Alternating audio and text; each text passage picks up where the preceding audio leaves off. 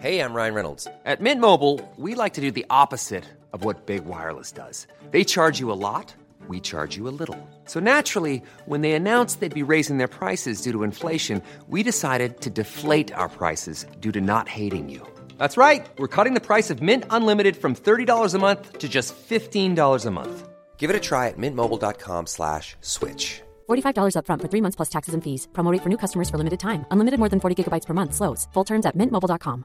I'm Sandra, and I'm just the professional your small business was looking for. But you didn't hire me because you didn't use LinkedIn jobs. LinkedIn has professionals you can't find anywhere else, including those who aren't actively looking for a new job but might be open to the perfect role, like me.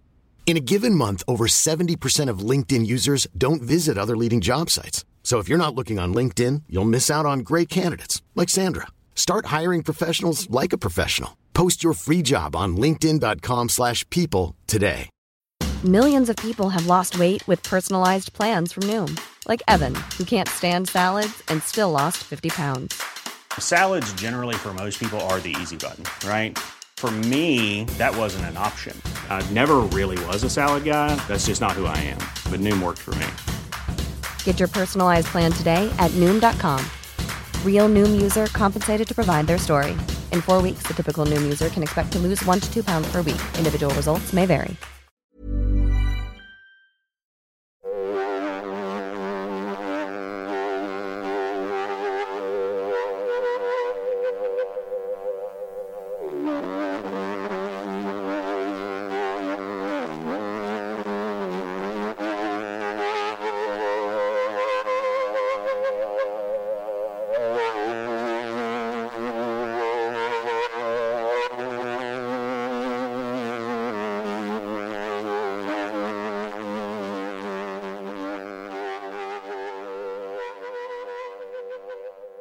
Har blivit felbehandlad under den här processen.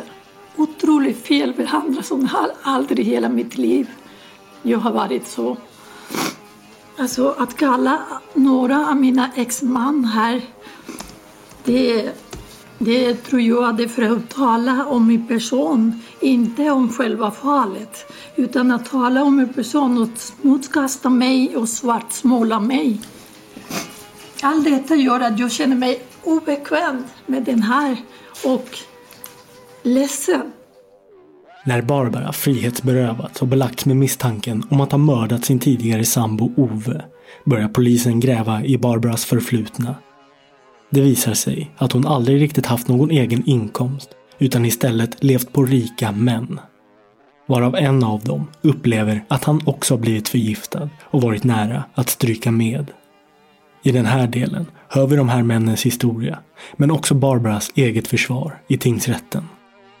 Du lyssnar på Rättegångspodden och på den tredje av fem delar om cyanidkvinnan. Mitt namn är Nils Bergman. En 54-årig kvinna anklagas för att ha mördat sin sambo i ett sommarstugområde i Norrtälje. Mannens död skrevs först av som ett sjukdomsfall. Men efter att kvinnan begärt ut försäkringspengar undersöktes prover från obduktionen på nytt. Då ska man ha hittat de här höga halterna av cyanid i mannens eh, kropp. Kvinnan är också åtalad för flera fall av grov stöld och hon ska ha stulit mannens ringar, klocka samt telefon medans han dog. Det finns ganska mycket bevisning mot min klient som är ganska jobbig. Jag har ju bedömt att det är sannolika skäl för att hon har förgiftat honom. Det grundar sig på eh, svar vi har fått då ifrån rättsmedicin.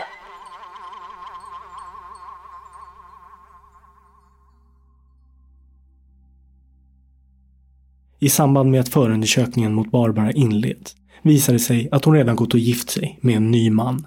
Samt att hon även fått honom till att skriva in henne i sitt testamente. Hon ska få ärva allt. Jag frågar åklagaren och förundersökningsledaren Madeleine Pettersson om de ansåg att även denna nya man, Per, också var i farozonen. Om hon precis är delgiven mord och precis släppt ifrån polisstationen så gjorde vi den bedömningen att då i den mån hon har tänkt det så har, avvaktar hon nog med det ett tag när hon har polisens ögon på sig. Även Per tas vid den här tiden in på förhör. Ovetande om vad det är polisen misstänker hans nya fru för. Alltså, från början så, så eh, var det väl som inget speciellt sådär då. Då var han väl ganska eh, strikt och sådär. Det är ju en, en känslig man, försiktig man och sådär. Men sen eh, efter ett tag, alltså han var, blev ju väldigt förälskad i henne och sådär. Eh, men sen efter ett tag så, så förstod han ju att han har blivit lurad om inte annat på pengar. Och han tänker ju också, vet jag i efterhand, att, att han var i farozonen. Så han är ju liksom eh, glad att det här blev uppdagat. För annars så tänker han att han kanske inte hade levat. Alltså hon tjänade ju väldigt blygsamt och vissa år hade hon inte någon inkomst att tala om alls. Teorin som väcks hos polisen är att Barbara skott sig på rika, inte ont anande män. För några egna pengar tjänar Barbara inte. Så från då Björn och framåt då, som var den första mannen hon träffade, vad vi vet i alla fall så här eh, som hon haft ett längre förhållande med. Så alla de männen har ju anmält henne för eh, stölder och bedrägerier. Eh, det är inget som har lett till åtal, men det är ju också ganska svårt när det gäller nära relation. Alltså, då lämnar man ju ut sitt hem. Jag träffade Barbara på en fest hemma hos goda vänner. Männen i Barbaras tidigare liv har alla sina egna historier att berätta. Pers berättelse kommer vi inte kunna höra då han avböjde att vittna mot Barbara i tingsrätten, vilket han har all rätt att göra då han betraktas som en närstående. Men flera andra män ställde upp och vittnade och en av dem är Björn, som träffade Barbara första gången år 2012. Och jag uppfattade henne som ganska försiktig, lite tillbakadragen, intelligent, kreativ, trevligt sätt för det mesta mjuk, vänlig. Uh, lite svår, svår. Det kan ju också vara ett spel. Så det, efteråt så var det väl så att jag var ledig och uh, jag antar att jag sa till henne att vi kan väl träffas där eller där. Och då gjorde vi det. Uh, och sen började vi långsamt relationen. Björn imponeras även över att Barbara driver ett kulturcentrum på Drottninggatan i Stockholm. Hon verkar driven och kulturell och Björn faller pladask. Och som hon jobbar jättemycket, mycket ambitiös. Jobbar alltid. Och det stämmer att Barbara jobbar ihärdigt med sitt kulturcentrum. Det enda problemet är att kulturcentrumet inte är vinstdrivande och hon tjänar därför inga pengar på sitt hårda slit. Men Björn tar hand om henne till honom berättar Barbara att hon är från Kuba. Ett land som Björn är mycket fascinerad av. Så han åker dit tillsammans med Barbara och hälsar på hennes familj. Sammanlagt har de varit där vid två olika tillfällen. Jag har varit där och jag har träffat hennes familj och träffat uh, ja, syskon, släktingar ganska mycket. Mm. Många släktingar. Många sådär. Och blev oerhört väl mottagen. Oerhört vänlig. Mm. Väldigt kärleksfull tycker jag. Och Barbara kan vara väldigt, väldigt kärleksfull. Väldigt omtänksam. Men under tiden Björn och Barbara är ett par ser han också en helt annan sida av henne. Du sa att du har uppfattningen att Barbara har en dubbel personlighet. Ja, det tänker jag mig då. Den personligheten fanns inte där från början.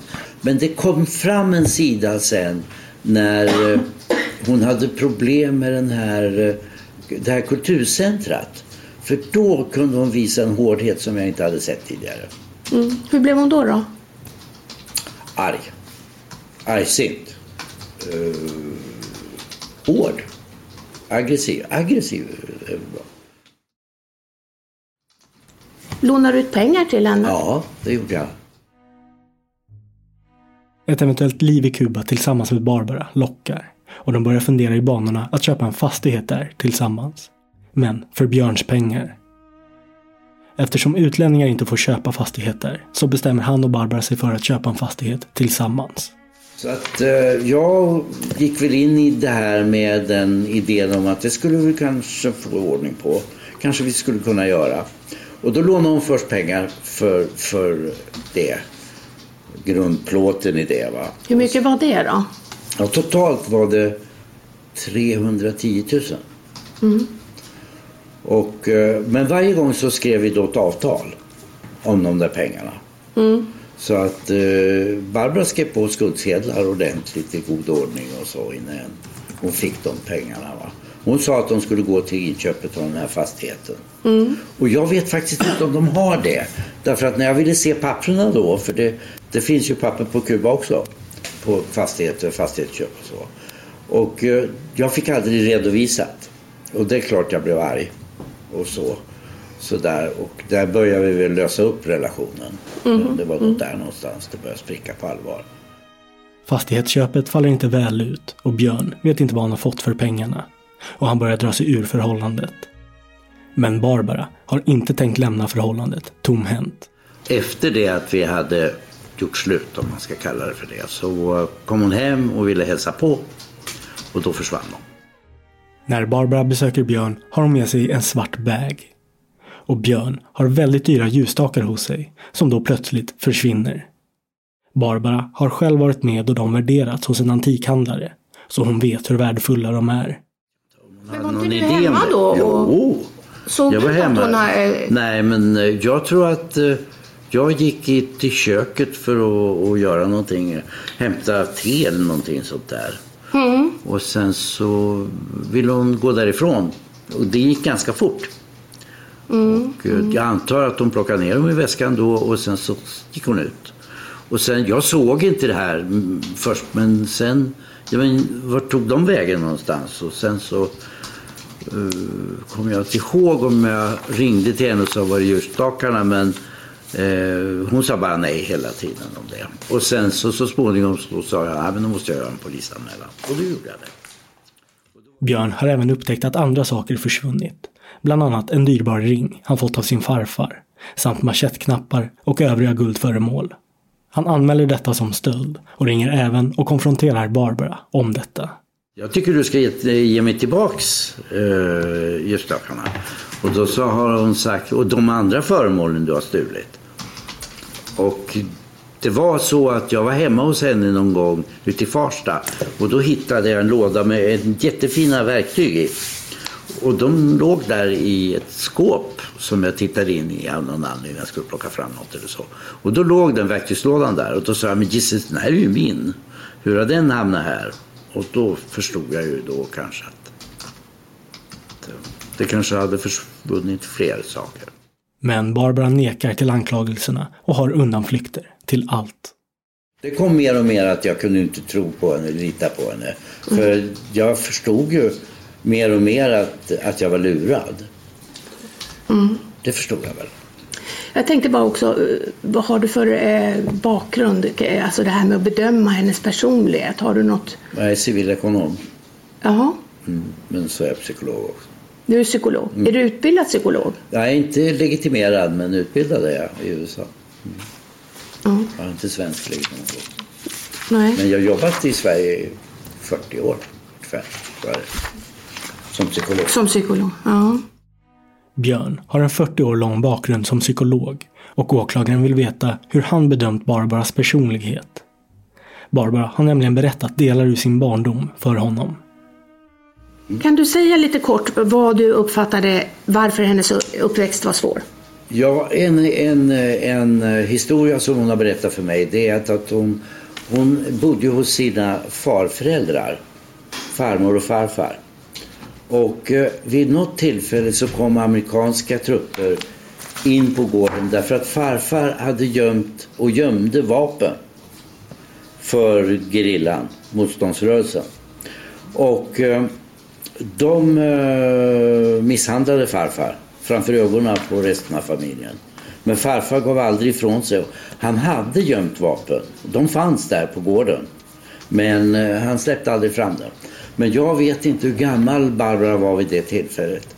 Ett annat händelse är väl att jag hon sa, berättade för mig att hon satt i farfars knä när han dog. Han, Mm. och så.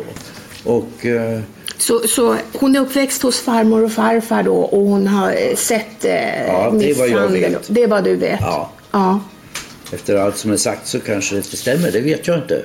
Det kan jag inte kolla. Men jag träffade en syster. Nej, jag träffade fler syskon. Mm, ja okej.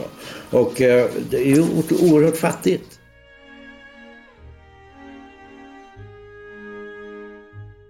För Björn berättar Barbara att hon även varit elitidrottskvinna i skolan.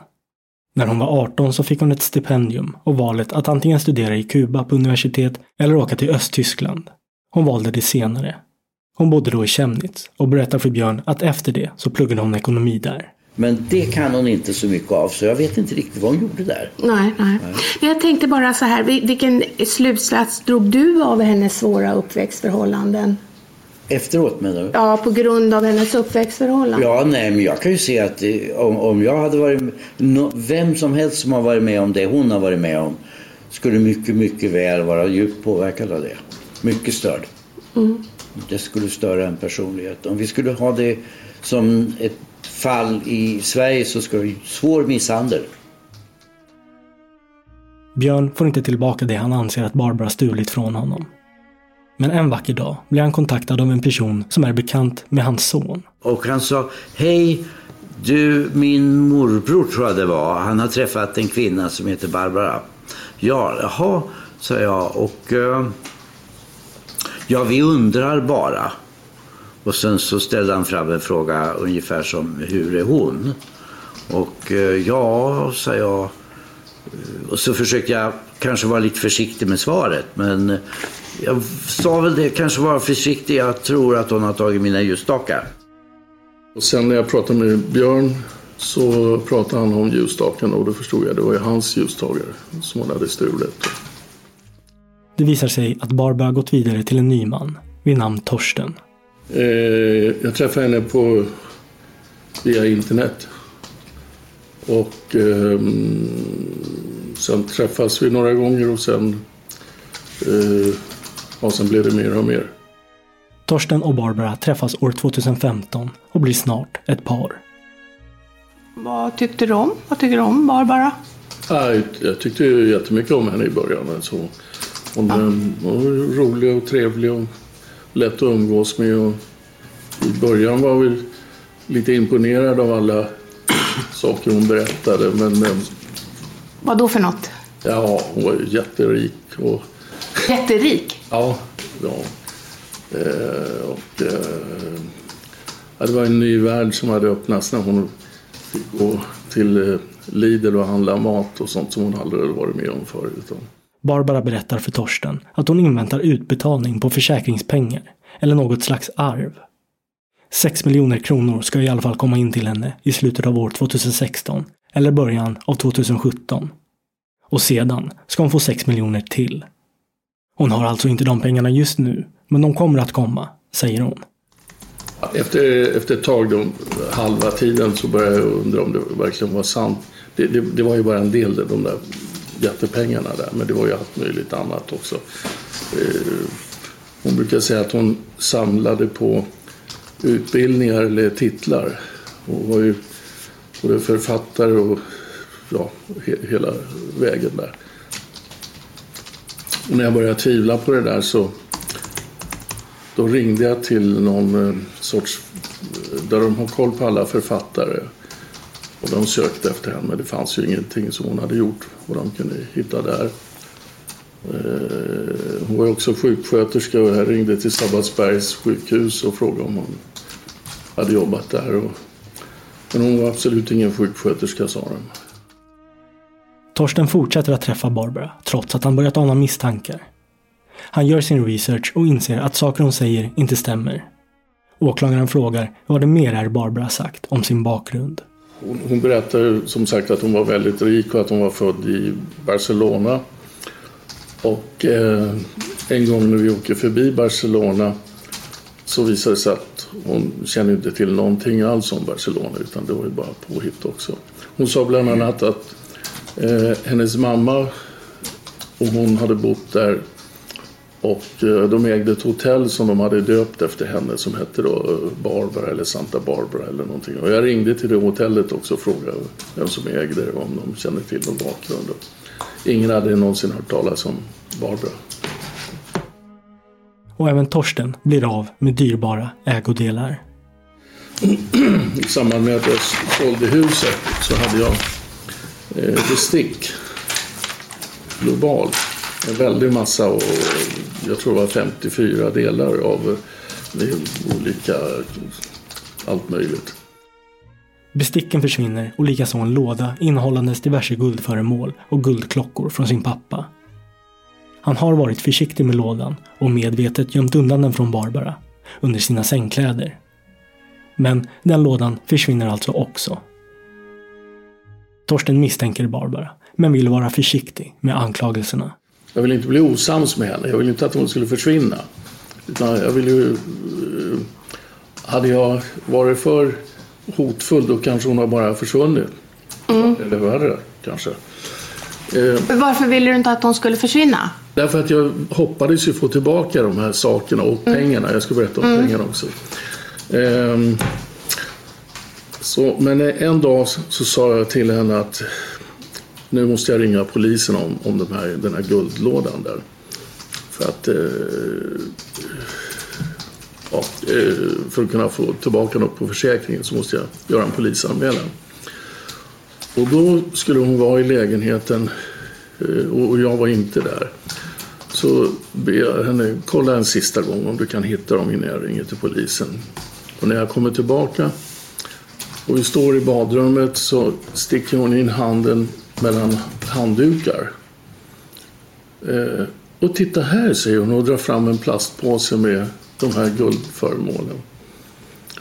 Och du som beskyllde mig för att ha tagit dem, sa hon. Och, eh, det var ju såklart att hon hade tagit dem i alla fall, men blev lite rädd då.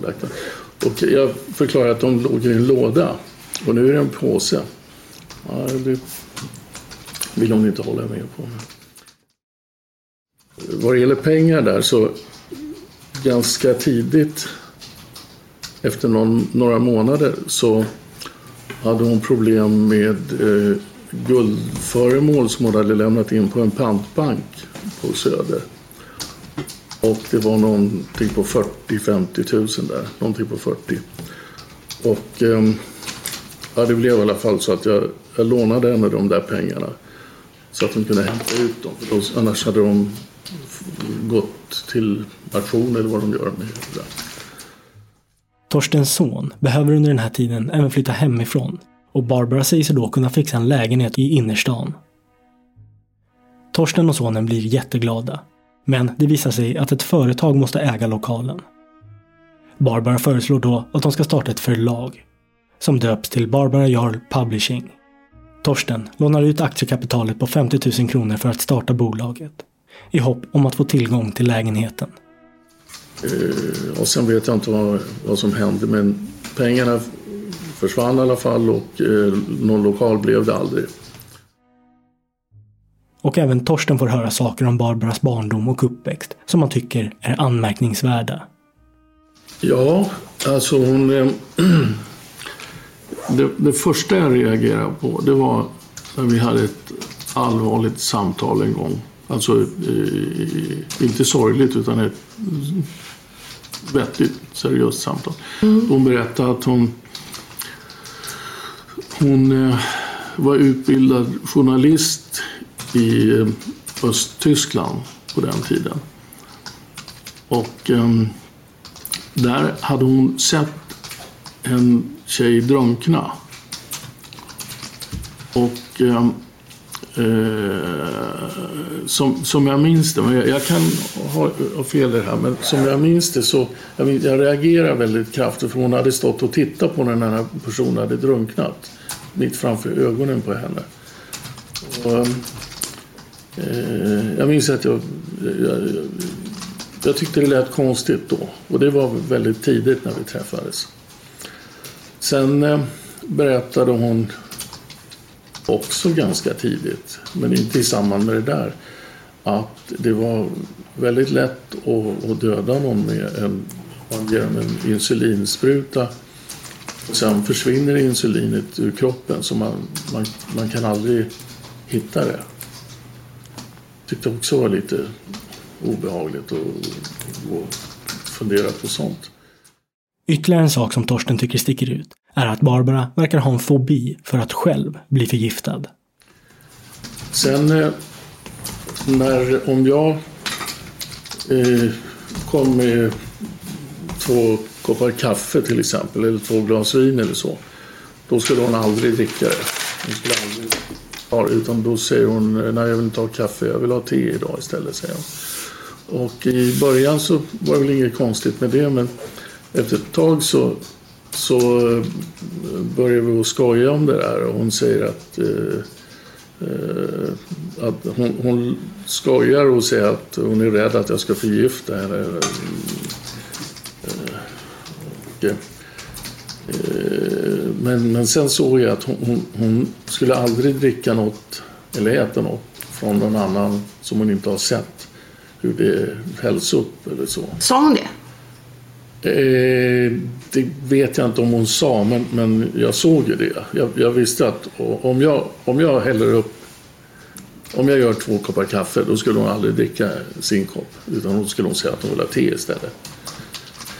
Jag kan inte säga att det var 100 procent sådär men, men eh, efter ett tag så började jag att reagera över eh, att hon var så rädd för att bli förgiftad. Mm. Men sa hon det alltså, att hon var rädd för att bli förgiftad? Nej. Eh, inte då, utan det var bara att hon säger nej, jag, jag, jag vill inte ha kaffe idag, jag ska ha te istället. Hon, hon valde bort det. Ja. Men senare så tänkte jag att eh, hon var rädd att, att bli förgiftad. Eh, varje gång det här hände. Så eh,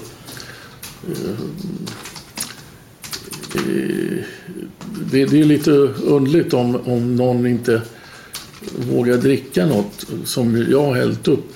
Det, är inte något som jag har aldrig varit med någon mm. annan. Eller? Mm. Men hon, hon, hon ville inte det för att hon var rädd att hon kunde bli förgiftad. Ja, men varför tror du att det var så då? Jag menar, fråga varför vill du inte dricka eller? Ja, sen började vi att skoja om det här. Att, eh, om hon var rädd att bli förgiftad. Och, eh, det blev väl aldrig något eh, riktigt avslut på att vi sa att hon var rädd för att bli förgiftad eller inte. Utan det var väl bara vi pratade om det. Men, men min tanke var att hon är rädd att bli förgiftad. Mm, mm. Men, men när ni pratade om det så var det i skoj, ja. skojig ton sådär då? Ja, det var det. Ja. Mm. Men, men det här med att det var lätt att döda någon med insulin. Eh, och sen, vad sa du att, var det svårt att upptäcka eller? Vad, vad? Ja, jag tror sa att om det försvinner ur kroppen eller att man inte kan upptäcka det. Eller... Ja. Hur, hur, på vilket vis sa hon det då? Var det som ett skämt eller var det som... Nej, eh, det var, det var nog mera eh, i egenskap av sjuksköterska hon, hon kunde det. Som hon inte var. Mm. Eh, var det något annat som hon berättade som var lite som du har reagerat på? Ja, alltså hon, hon eh, var ju oerhört svartsjuk. Och eh, fick raseriutbrott. Uh, kasta saker. Ett par gånger har hon försökt kasta ut min telefon. En gång ur bilen och en gång ur ett hotellrum. Eh, en gång så så pratade vi om hennes svartsjuka där. Och det var något program på tv där de satte upp det stod det om du gör så, om du tänker så, om du det och det, det och då är du svartsjuk och behöver hjälp. Efter att ha sett ett program på tv om svartsjuka beslutar de sig för att söka hjälp åt Barbara. Torsten bokar då tid hos en terapeut som är specialiserad på svartsjuka. Uh, jag tror hon väntar i bilen och jag går in. Och jag kommer ut och, och hon var så svartsjuk så hon trodde att jag hade inlett ett förhållande med terapeuten. Så hon vägrade gå in och, eh, och det blev ja, det, det argaste jag har, hon har varit någonsin. Och det blev helt kortslutning så jag åkte bort med henne till Sankt Görans psykavdelning där. Hon ville att hon skulle följa med in bara så hon kunde prata med henne där. Men hon vägrade. Men jag gick in själv och pratade med en, någon där inne och han sa att han kan inte göra någonting. Hon måste ju komma mm. frivilligt och sådär. Men...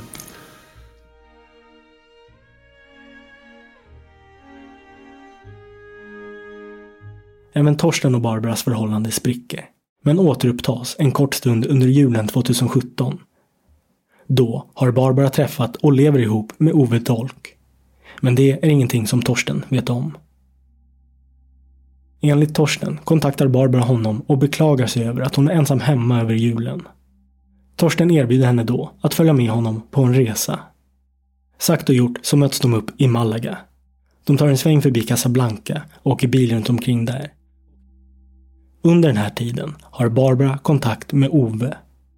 Till honom har hon sagt att hon är på Mallorca med en väninna. Ove är vid den här tiden förälskad i Barbara. Men även han misstänker att någonting är fel. Han smsar saker som “Okej, okay, jag älskar dig ändå” och “Ärlighet varar längst”. Han ber henne även ringa och skicka bilder. Men det gör hon såklart aldrig. Ove uttrycker även en vilja att få hämta henne på Arlanda. Även det duckar Barbara eftersom hon inte vill att Ove ska stå där när hon kliver ut på flygplatsen tillsammans med Torsten. Så när Torsten och Barbaras resa i Nice är över och de kommit hem igen så smsar Barbara plötsligt till Ove att nu har jag landat. Och sen möts de två upp. Vi hör återigen Torsten. Vid den tiden så var jag väl ganska säker på att hon aldrig skulle få de där pengarna och att, att hon hade stulit de här sakerna av mig. Och, eh, att, att jag aldrig skulle få några pengar. Men ändå eh, ja, som sagt, hon är ju trevlig att umgås med. Och, eh, jag kommer inte ihåg hur det kom sig att hon följde med dit, men eh, ja, så blev det i alla fall. Mm, mm. Men jag tänker, hur är det med relationen er emellan då? Då? Mm. Ja, det var ju ganska bra, skulle jag tro, för tillfället då i alla fall. Mm. Sov ni i samma säng? Till exempel? Ja, det gjorde vi säkert. Mm. Ja. Visste du om att hon var förlovad? Nej, men alltså jag, jag visste att eh, eh, jag visste ju inte säkert, men jag var ju ganska säker på att det fanns andra runt omkring. Rätt så snart så ville Barbara flytta in till mig. Flytta hem till mig. Mm. Vi hör nu ytterligare en av männen i Barbaras liv. Hans namn är Jan och liksom de andra männen så inleds relationen hastigt och intensivt. Och Barbara flyttar in hos honom efter bara några veckor. Några veckor efter? Och, och fick hon det då? Ja, det fick hon ju till att börja med. Ja, jo, det fick ja. Så hon flyttade in i någon, några veckor? Inte med sig allting, men hon tog med sig. Hon hade en massa kläder och... Så att hon bodde ju hos mig då. Ja. Jan drev en garnbutik på Odenplan vid tiden han träffade Barbara. Och Jan påstår också att han har blivit bestulen av henne. Jag hade en butik på Odenplan i alla fall. Tog hon förmodligen mina nycklar i min rock och så gick hon ner i butiken och hämtade pengar på Odenplan. Mm. Ja. Och varför tror du det? Ja, de, kan, de försvann för att jag var hemma den dagen. Det var en söndag. Det finns ingen annan som har kommit in. Om man inte har nycklar så kommer man inte in där. Det fanns ingen åverkan på dörren eller någonting. Alltså. Mm. Det måste vara någon som har haft nyckel som har kommit in där. Ja, hur mycket pengar var det då? 12 800. Inte nog med att han tror att Barbara stulit från honom, så har en tanke på senare tid väckts om att han också vid ett tillfälle troligtvis blev förgiftad av henne. Ja, det var så att vi hade varit ute vid min båt va. Och sen när vi åkte hem därifrån så åkte vi förbi Farsta. Då hade jag en butik, hade en butik i Farsta centrum också. Och då gick jag upp och hämtade pengarna där. För vi fick, fick ju vissa kontanter. Och då skulle jag sätta in dem där på, på banken. Men jag gjorde aldrig det, utan vi åkte hem och jag, då gick jag in och satt mig i, i vardagsrummet. Rätt som det så kommer Barbara med kaffe. Vilket hon sällan gjorde, men hon kom med en kopp kaffe till mig. Och jag drack ur den där koppen kaffe och blev helt förvirrad. I hela. På fem minuter så vart jag helt bort. Borta i skallen. Jag kunde inte stå på benen utan jag var tvungen att gå in och lägga mig på sängen.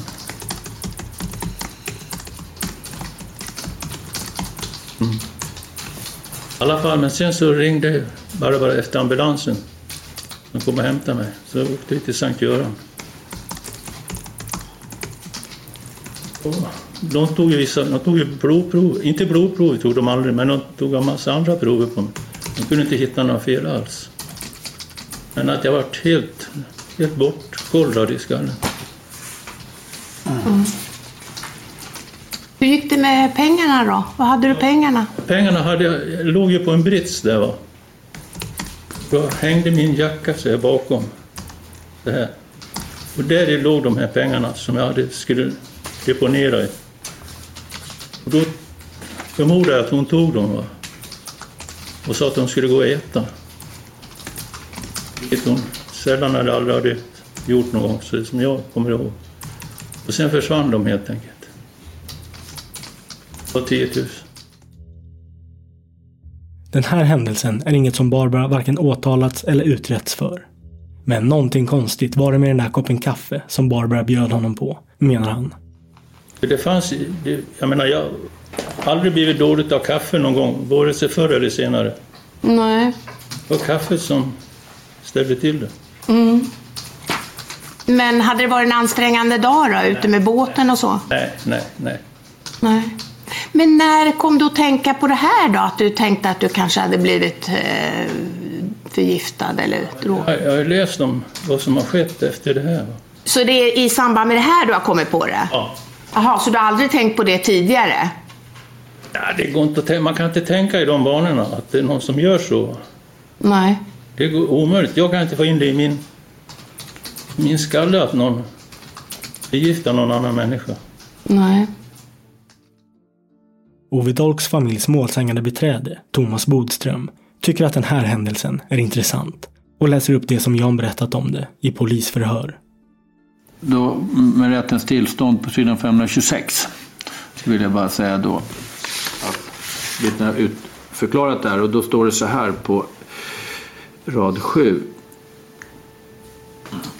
När Jan låg i sängen såg han Barbara och Jan tyckte att det var som hon stod och njöt. Hon Ja. gjorde inget och verkade inte orolig. Hon bara tittade på Jan och var iskall, vilket Jan tyckte var konstigt. Ja. Det var som om hon visste vad som var fel. Kommer du ihåg att du har sagt så här? Ja, ja, ja. Och när du hör det nu, är det något som Ja. tycker du stämmer? Ja, ja, ja. Ja. Då har jag inga fler frågor. Tio dagar efter att Ove Dolk dör, den 28 februari, smsar Barbara Jan igen och skriver Hej, jag saknar dig jättemycket. Puss och kram. Den 24 mars skriver hon Snälla du, ring mig när du vill. Om du behöver något. Jag kan handla hos dig, städa, laga mat, tvätta dina kläder och samtidigt känner du dig inte ensam. Till och med... Punkt, punkt, punkt. Jag kan dansa för dig. Snälla du, ring mig. Då gör jag allt som du vill. Du har varit jättegullig mot mig. Och jag tycker jag måste vara gullig tillbaka. En stor kram till dig. Life is full of what ifs. Some awesome, like what if AI could fold your laundry? And some, well, less awesome, like what if you have unexpected medical costs? United Healthcare can help get you covered with Health Protector Guard fixed indemnity insurance plans. They supplement your primary plan to help you manage out of pocket costs. No deductibles, no enrollment periods, and especially no more what ifs. Visit uh1.com to find the Health Protector Guard plan for you. Hey, I'm Ryan Reynolds. At Mint Mobile, we like to do the opposite of what Big Wireless does. They charge you a lot, we charge you a little. So naturally, when they announced they'd be raising their prices due to inflation, we decided to deflate our prices due to not hating you. That's right. We're cutting the price of Mint Unlimited from $30 a month to just $15 a month. Give it a try at mintmobile.com slash switch. $45 upfront for three months plus taxes and fees. Promo rate for new customers for limited time. Unlimited more than 40 gigabytes per month. Slows. Full terms at mintmobile.com. There's never been a faster or easier way to start your weight loss journey than with PlushCare. PlushCare accepts most insurance plans and gives you online access to board-certified physicians who can prescribe FDA-approved weight loss medications like Wigovi and Zepbound for those who qualify. Take charge of your health and speak with a board-certified physician about a weight loss plan that's right for you. Get started today at plushcare.com slash weight loss. That's plushcare.com slash weight loss. plushcare.com slash weight loss. Den här typen av kontaktförsök med andra män, kort tid efter att Ove dött och då Barbara hävdat att hon varit så ledsen och sörjt honom, är besvärande för henne. Och hon kommer tycka det är jobbigt att konfronteras med de uppgifterna i rättssalen. För i maj 2019 inleds tingsrättsförhandlingarna mot Barbara Jarl i Norrtälje tingsrätt. Det som liknar en deckare från mitten av förra seklet ska ha skett i Norrtälje 2018. Vi hör ett utdrag från Sveriges Radio P4 Sjuhärad. I veckan inleds den uppmärksammade rättegången där en 54-årig kvinna anklagas för att ha mördat sin jämnåriga sambo med cyankalium. Mannen dog i februari i fjol till synes av naturliga orsaker. Senare uppdagades att han hade förgiftats men kvinnans advokat Björn Hurtig från Borås tänker ifrågasätta det. Det finns cyanid i ett blodprov. Men vi vet inte ifall det här blodprovet är representativt för hela kroppen. Man har inte fått fram cyanid i ögonvätska eller urin och så. Då är nästa fråga hur det går till då. Har han tagit det själv eller har hon gett honom det? Eller kan det vara så att någon annan har gett honom det? Eller är det någon olyckshändelse? Han var ju trots allt guldsmed och jobbade med cyanid. Han hade det i sin verksamhet? Ja. Vad som ska bevisas i den här rättegången är att kvinnan gett sambon giftet men Björn Hurtig menar att det saknas motiv. Det finns inga gåvor brev eller liknande. Hon kommer inte genom äktenskap, för de var inte gifta, i åtnjutande av ett arv med fastigheter och sådana saker. Så att man ska döda någon för så små summor, jag finner det svårt att, att se. Men det finns ganska mycket bevisning mot min klient som är ganska jobbig. Och den ska vi då ta oss runt tänkte jag. En teori som det blir upp till åklagaren att motbevisa är den om att Ove skulle ha tagit sitt eget liv genom att självmant intagit cyanid. En teori som Oves dotter Louise inte ger mycket för. Då Ove hade många saker inplanerade som han såg fram emot. Vi hör Louise. Hade du något mer du ville berätta här nu? Eh, ja, det är saker som jag har, som jag har tänkt på. Sådär som kan vara lite viktigt. Att, han, att pappa ändå inväntade farmors 80-årsfest. Som skulle ske i mars. Hon fyllde 80 år den 14 mars. Han hade bokat på en fin restaurang att vi skulle träffas hela familjen allihopa. Så det hade han att se fram emot. Hade han bokat det? Han hade bokat det. Eh, han hade även två biljetter på firman. Han skulle gå och se Melodifestivalen. De var köpta och klara. Nej, fyra biljetter till och med var det. Eh, Viktor skulle gifta sig i september 2018. Och det såg han också jättemycket fram emot. Och sen såg han ju förstås fram emot att min son skulle få komma dit för första gången på länge, köra motorcykel. Och sen att han hade beställt den här nya bilen. Så att han skulle ha tagit livet av sig, det finns inte. Det skulle han aldrig göra.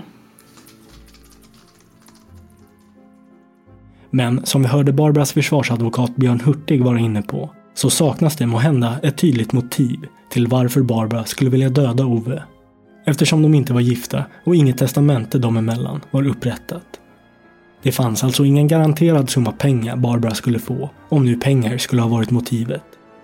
Jag frågar Madeleine hur hon tänkte kring motivet inför tingsrättsförhandlingarna. Gällande det du var inne på att eh, de hade inte upprättat något testamente, de var inte gifta. Var det svårare för dig att peka på ett motiv? Hur resonerar du kring det? Jo, jo men alltså det, det tyckte jag att... Eh, Alltså man skulle kunna säga att stulet har hon gjort från alla karlar. Hon har ju inte mördat dem för det. Eh, så det var ju inte något motiv i sig, att det finns bevisning för att hon har stulit. Och sen att hon inte hade så mycket att vinna på hans död. Eh, och sådär jättemycket att vinna på hans död hade hon ju inte heller i efterhand, men det kom väl fram under utredningens gång mer och mer eh, Bland annat den här lägenheten på Tegnérgatan. Där är det ju så att Ove Dolk, han eh, även om den stod på henne så var det ju helt tydligt att han hoppades ju på att få pengar. Han var ju glad, de skulle ju fira det den här myskvällen då, innan han dog. Eh, att den skulle säljas då för 500 000, eh, enligt honom. Som Barbara hade sagt, som han förmedlade till en av sönerna då. Så han var ju glad för det, att de har fått en köpare till den. Så han förväntade sig att få del av de där pengarna. Eh, och sen så fanns det ju också någon lista i affären på nästan 100 000 på, som Ove hade gjort då med, med eh, vad Barbara var skyldig honom. Uppenbarligen menar jag att det, att det liksom var en, en, en skuldlista. För han hade liksom prickat av sådär, så man räknade ihop det, så nästan 99 000 någonting exakt.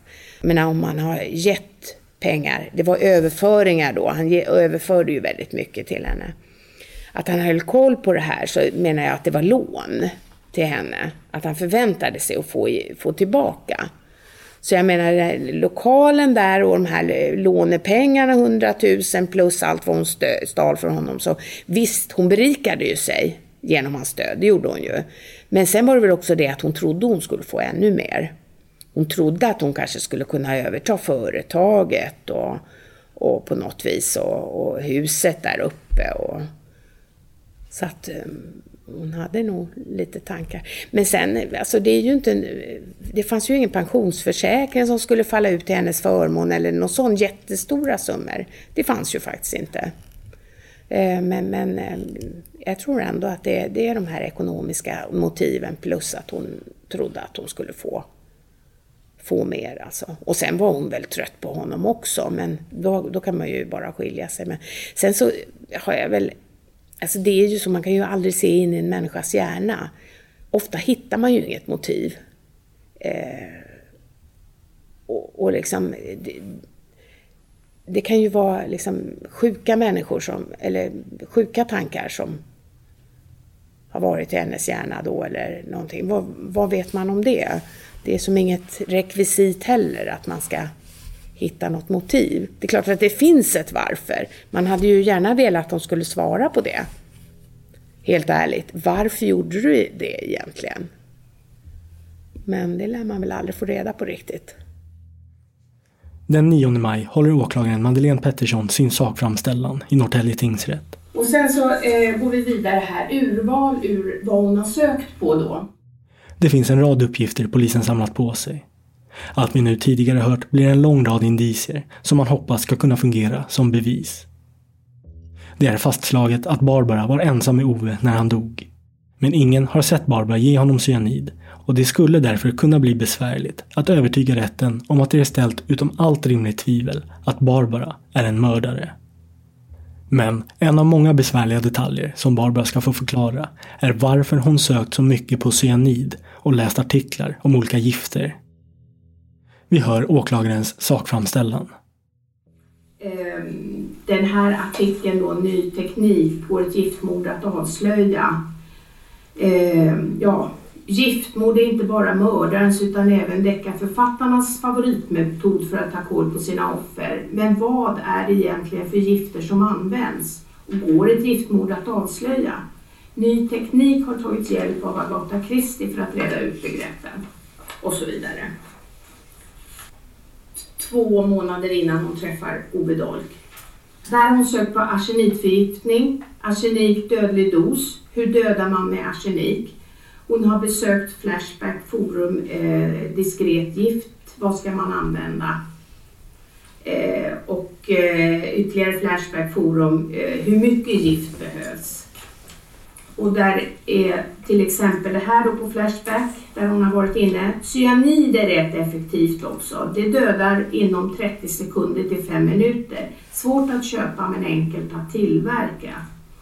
Gult och rött blodlukt salt finns hos, och så är en adress där, under namnen kaliumhexacynoferat samt kaliumhexacynoferat. Eh, och vidare nästa sida då, eh, bara det garanterar död eh, kaliumcyanid, KCN betyder det, kan man anta, eh, verkar lite för snabbt Eh, där kan man bli misstänkt om man sitter vid till exempel matbord och hällt i, i någons mat ett par minuter. Och sen står det cyanid, 0,15 gram räcker för att döda en människa. Eh, och det här är ju då 2016, två månader innan och eh, då eh, visste hon alltså vad cyanid var. när hon träffar Ove alltså. Eh, och jag ska säga bara som sammanfattning på det här avsnittet med sökningar om gifter att eh, 21 oktober då, där har hon sökt på gift och fått uppslag om cyanid. Eh, sen har hon sökt då eh, den här eh, cookien då eh, 24 juli 2017 fanns det en ett spår av sökning då. Trots att eh, webbhistoriken är raderad under större delen april till februari 2018. Så där finns ingenting, det är raderat. Och sen i augusti, september eh, eh, börjar hon att söka på gift igen. Då, då. Och det är ju då när hon, träffar sin, hon har träffat sin nya man där i juli eh, och gifter sig med honom i augusti 2018. Då börjar sökningarna på gift igen. Varsågod, du ville säga någonting spontant. Jo, jag tänkte säga att eh, jag har skrivit några punkter när, men, medan eh, åklagare hade pratat. Alltså jag ska läsa lite då och då. Efter att flera vittnen i den här rättegången hört blir det dags för åklagaren att förhöra Barbara. Barbara ges först chansen att själv spontant berätta sin version. Och hon har förberett ett papper med olika punkter.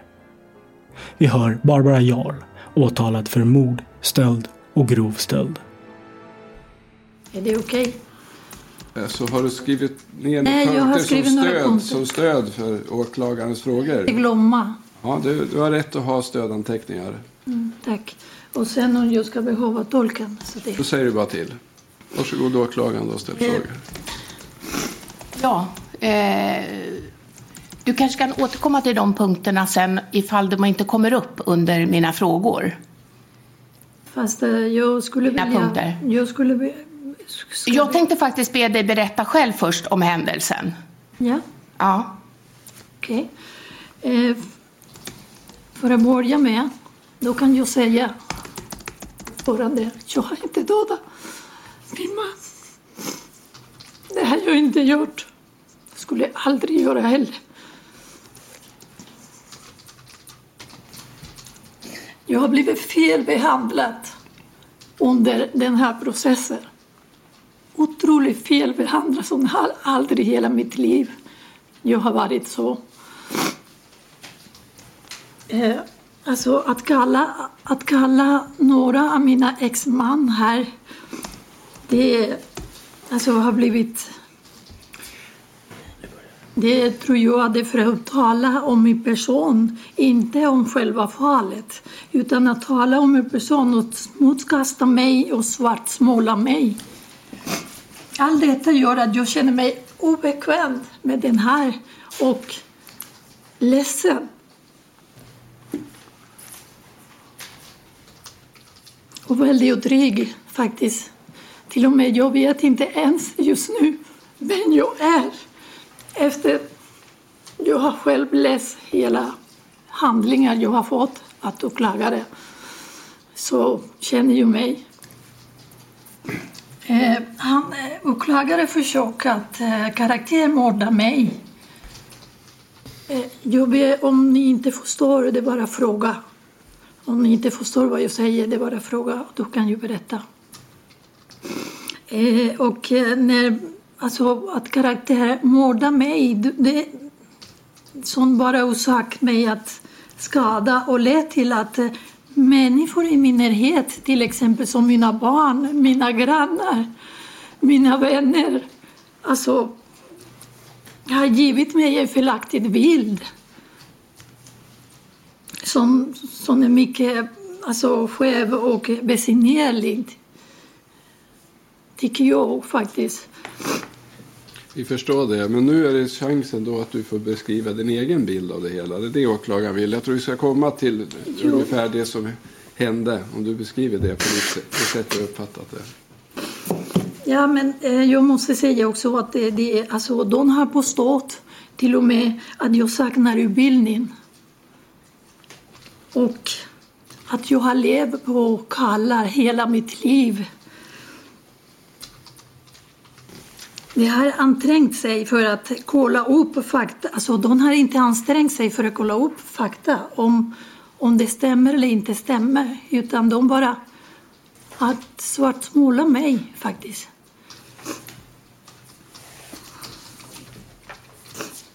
Yeah. Så då kan jag berätta dagen när Ove dog, alltså innan vi, dagen innan Ove dog, då åkte vi till landet och som vanlig Ove dog. Alltså han drack ganska mycket Förlåt, jag är lite nervös. Börja på fredagen där. Jo, det är fredag. Ja. Vi åkte dit, eller vi åkte dit på fredag och eh, den kväll han drack väldigt mycket. Och eh, sen dagar efter dagar efter det var en vanlig dag och eh, alltså sen på kvällen när han... Eh, Berätta lite under dagen också. Kan du När ni, när ni jag skulle berätta själv. Så kan väl du ställa frågor sedan. Så Ja, okej. Tack så mycket. Tack. Alltså när han däckade över eh, bordet ringde ju grannen för att få hjälp och ta honom till sängen. Grannen kom efter ett tag, alltså vet inte när han kom, men han kom och hjälpte mig honom, att ta honom till, till sängen. Efter det, då när jag skulle lägga mig, då märkte jag att det var kallt. Och då ringde jag grannen igen och han svarade inte. Då ringde jag till hans tjej, Alexandra. Och då kom de fort och ringde eh, 112 och eh, sen fick jag den här chock... Alltså jag var såna förvirrad tillstånd som jag kommer inte ihåg mera. Vad som hände efter, sen när, när läkare kom och så. Men det är det. Och, alltså, Vill åklagaren ställa frågor då eller ska hon gå vidare på det som hände efter också? Mm. Kan jag börja ställa frågor? jag är inte klart om du kan vara klart. Eller? Nej, men jag tyckte att det uppfattades som att du var klar över vad som hände den dagen. Ja. Fast att ähm, herr ordförande, jag känner mig väldigt, väldigt bekväm och trygg och väldigt ledsen. Alltså, eh, alltså åklagare pratar om själva sökningen på webbsidor. Sådana sökningar jag har gjort. Och eh, det kan ju, alltså jag har redan sagt och säger att eh, det har jag gjort och jag har googlat. Jag själv är författarinna och jag googlar på allt. Och det har jag gjort långt innan och långt efter Ove dog. Inte precis när Ove dog och inte... Det har jag gjort.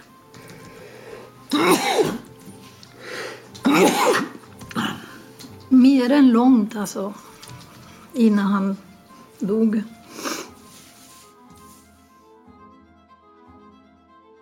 Åklagaren är långt ifrån klar med att förhöra Barbara Jarl. Barbara kommer förhöras av åklagaren i timmar gällande mordet på Ove. Men också gällande åtalspunkterna som rör stöld. När jag frågar någon, får jag ta den här? Är det okej om jag tar den här? Och du säger varsågod, ta det. Jag tror inte att det är stolt, utan jag får lov att ta det.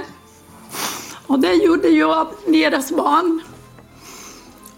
Och det känns inte bra heller. Men jag frågade Oves syster, och Oves mamma också. Om jag får det. Alltså, jag fick den också till stånd. Det är inte att skälla eller ta grejer från annan. Det var mina grejer. Mer från Barbara hör vi alltså i del 4. Du har lyssnat på Rättegångspodden om cyanidkvinnan. Mitt namn är Nils Bergman, ansvarig utgivare är Jonas Häger. Tack för att ni har lyssnat. Var det Ove som inte hade flera kommentarer för att jag mår så dåligt av dina påståenden hela tiden. Ja. Jag försöker att ställa frågorna så respektfullt jag kan. Men jag måste ställa dem. Det här hela, hela, hela den här processen har blivit fel. Har blivit fel. Ni har behandlat mig som den sämsta personen i hela världen. Alltså, jag mår så dåligt. Och det är därför jag har ingen kommentar. För att nej, nej. Jag vill inte svara längre på frågor.